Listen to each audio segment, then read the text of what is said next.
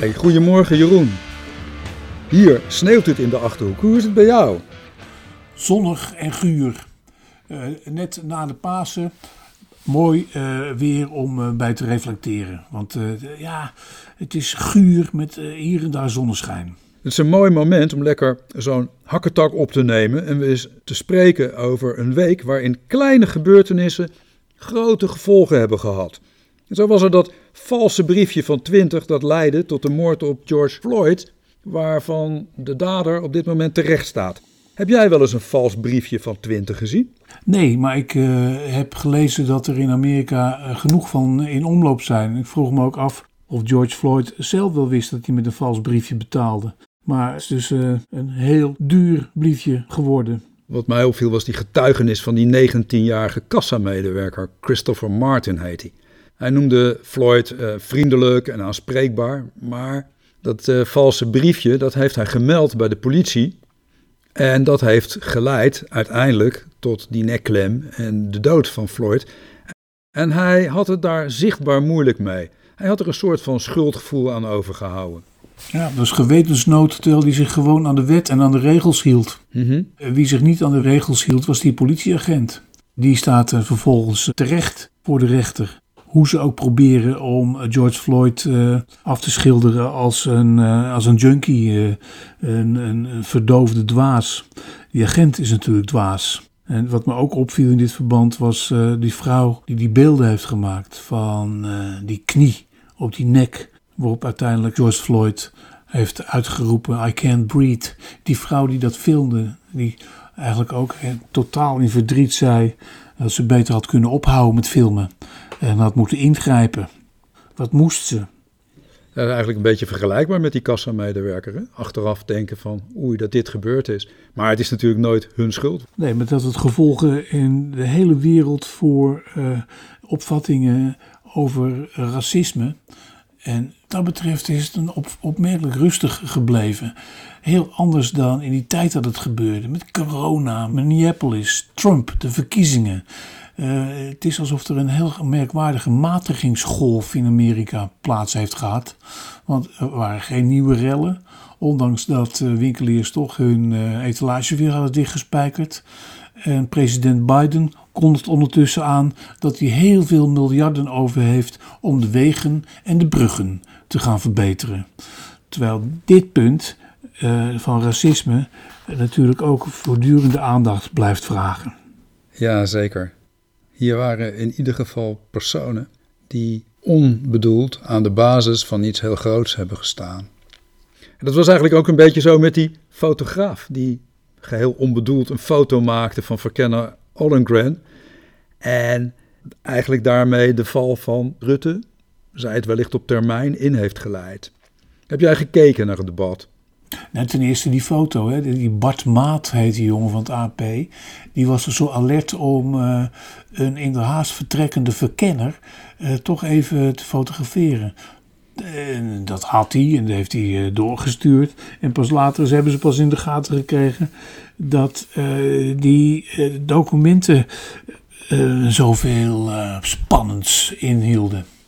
Ja, en dat komt dan vervolgens tot een debat over de waarheid en de leugens. En daar zijn ze na het debat nog niet klaar mee, want er is nog veel uit te leggen. Zeker. Ja, ik heb toch wel bijna de hele avond, middag en nacht zitten kijken. En het grappige was, het was nog onderhoudend ook al die tijd. Er was er veel te zien. Er was bijvoorbeeld ook het optreden van die nieuwe Kamerleden die er met hun neus in de boter verwielen. En daar viel mij onder andere op het optreden van mevrouw van der Plas.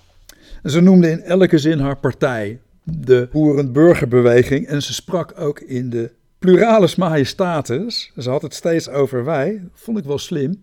En het leuke was, ze kreeg daardoor ook nog eens extra spreektijd. Dat was leuk voor de boeren en voor de burgers. En ik vroeg me af wat voor spindokter er bij haar achter zat.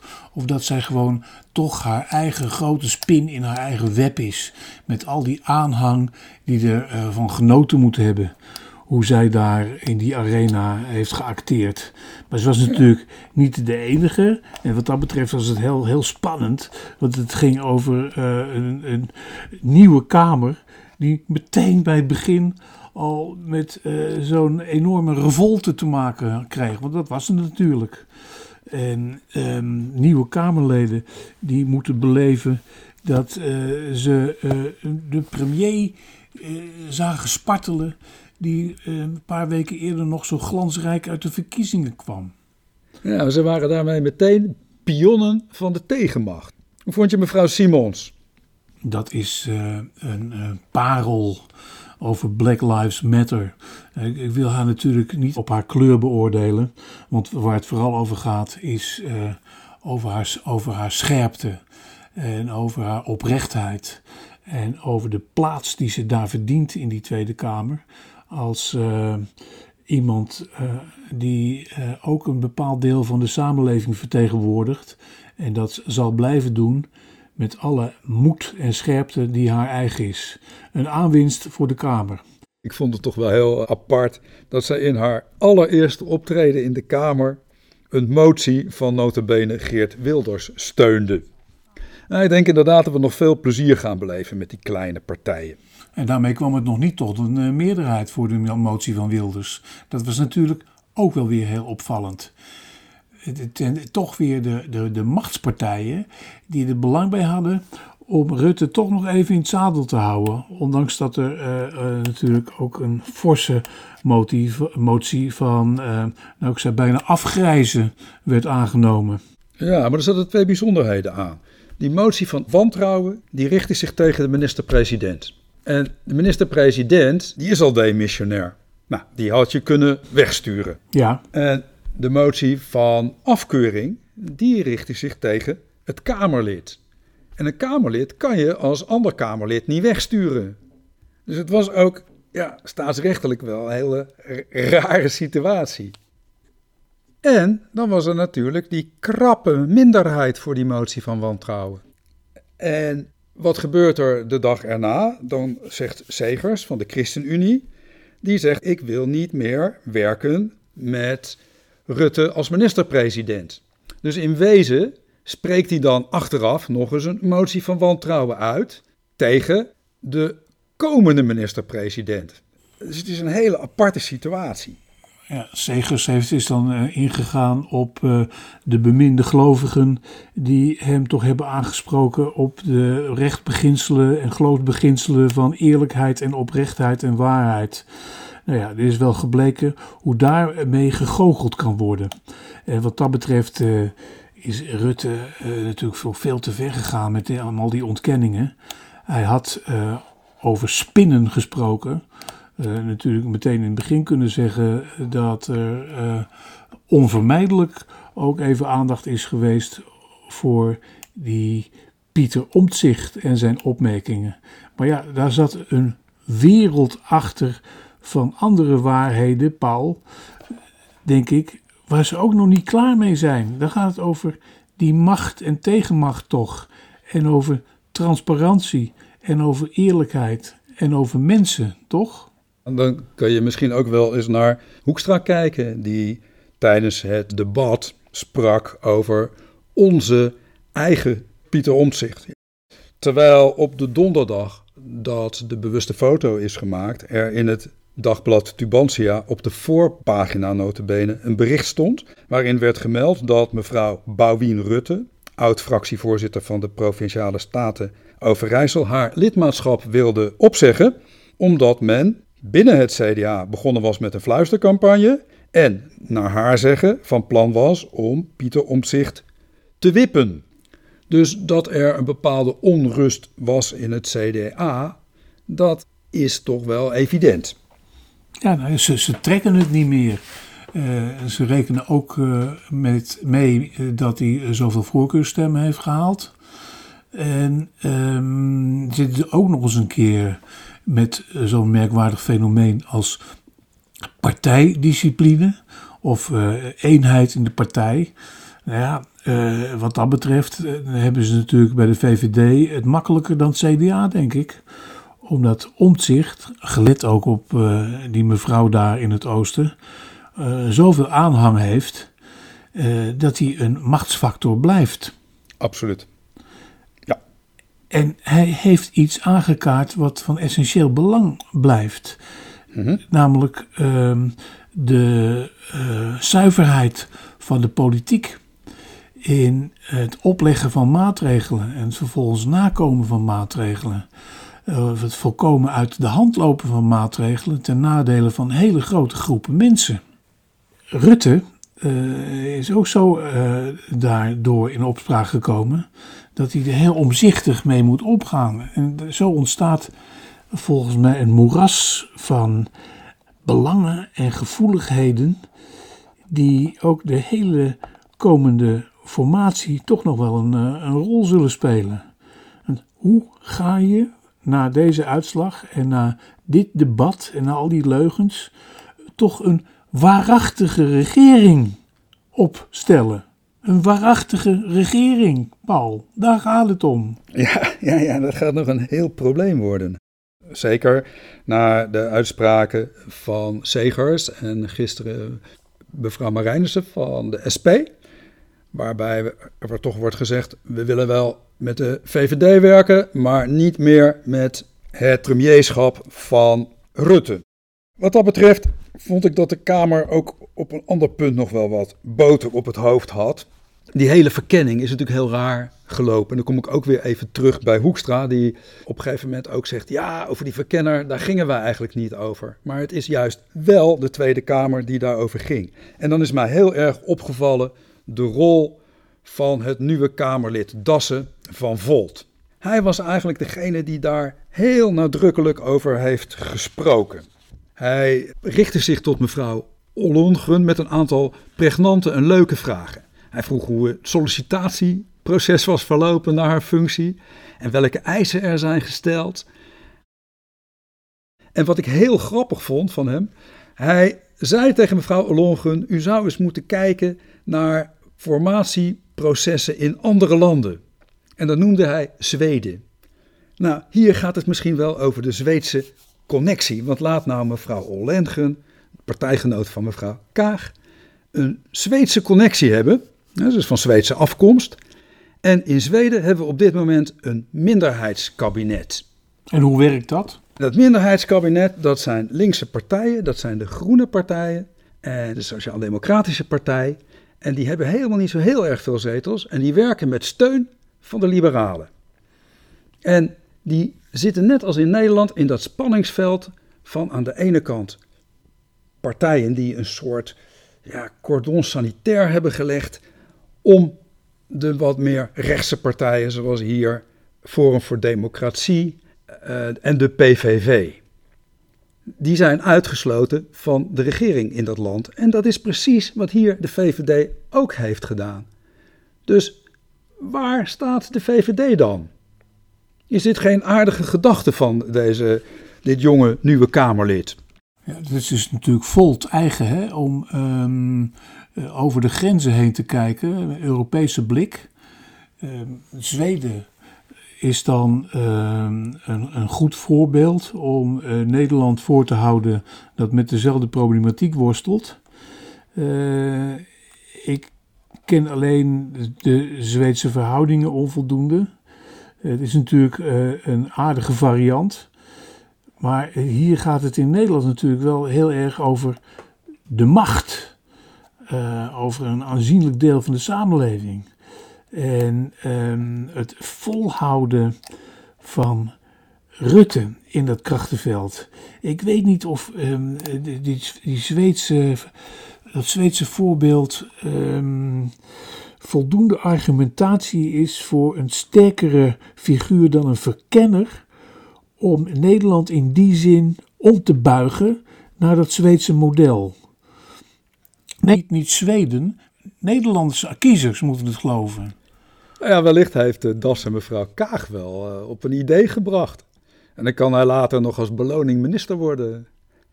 Per slotverrekening gaat het nu in de formatie om partijen, en dat zijn er nogal wat, die zeggen wij willen niet meer onder Rutte werken.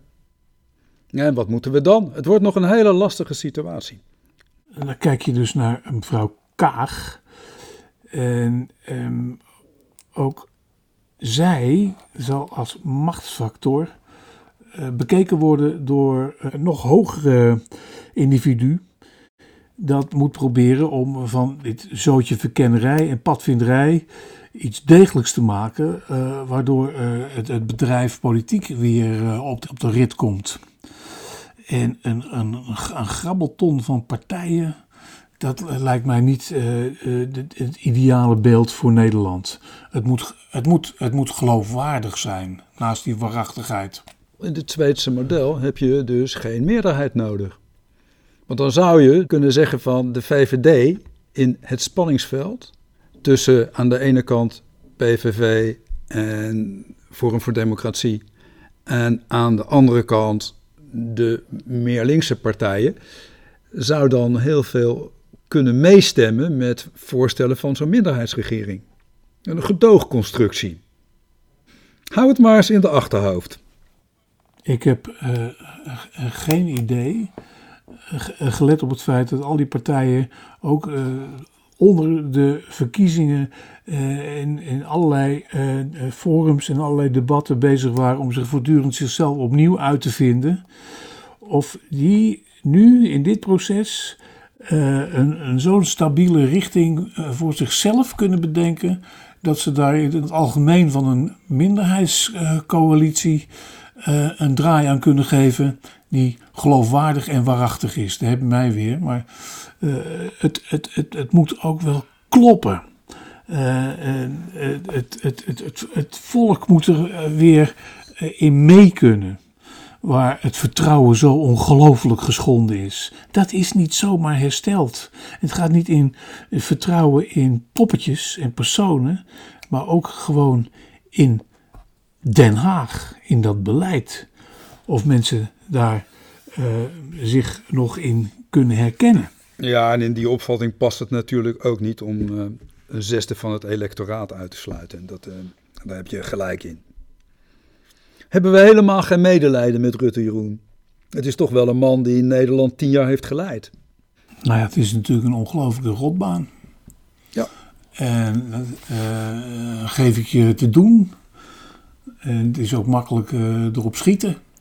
aan de andere kant kun je hem alleen maar waarderen over uh, de manier waarop hij uh, dat uh, met corona heeft proberen te fixen. Hoe hij Nederland niet helemaal als een dictator heeft willen regeren. Dus wat dat betreft verdient hij heel veel krediet.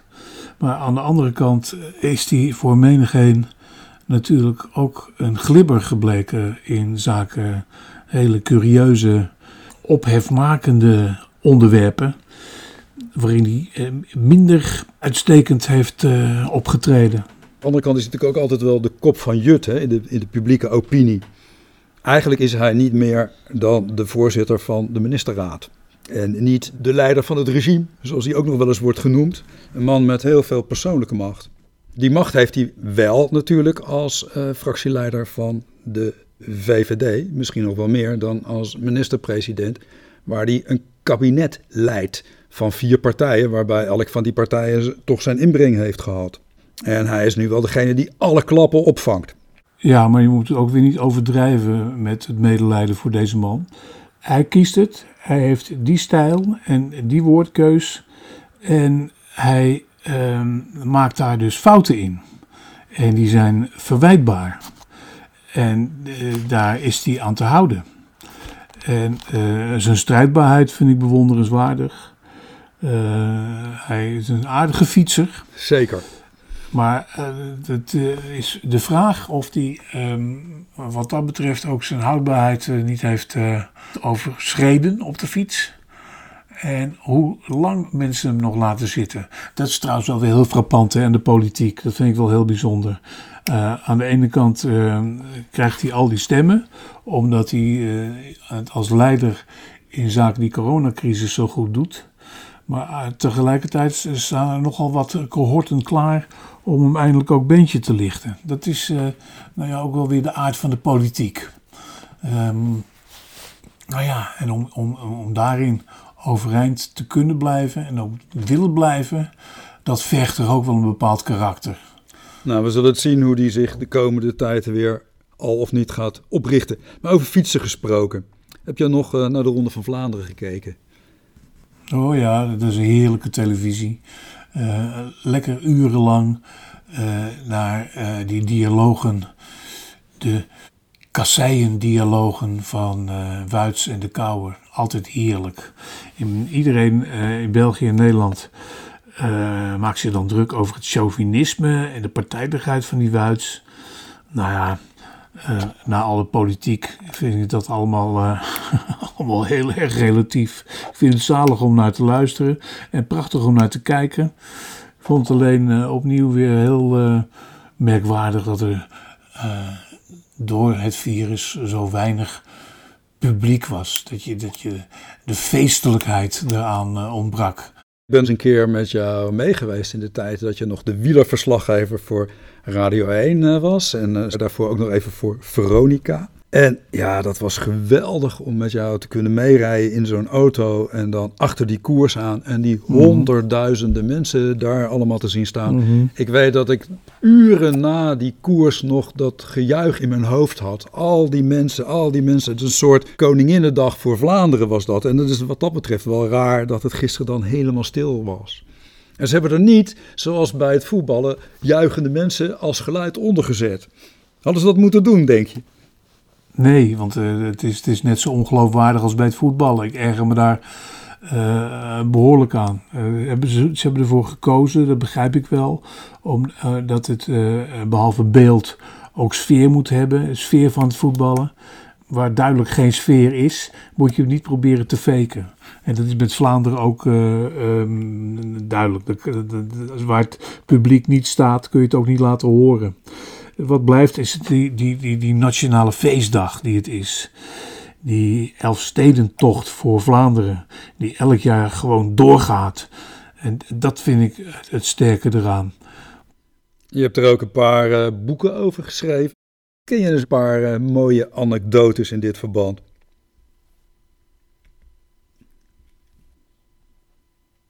Nou, ik, ik zal uh, nooit vergeten hoe Hugo Claus is, is mee was. Uh, hij gaat het terug tot 1989. Ja, ik was, dat was de, dag dat ik mee was.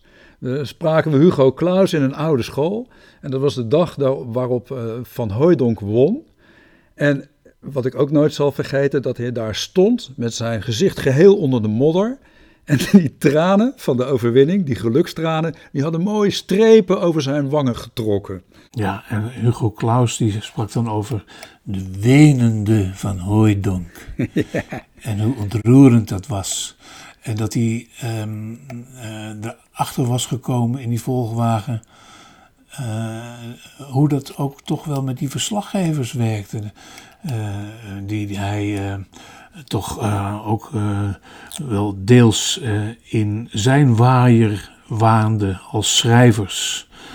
Het, overigens was hij ook nog wel altijd heel waarderend over de oude Karel van Weilendalen, de godvader van de ronde, die een hyperbool niet schuwde, zoals Hugo Claus dat zei.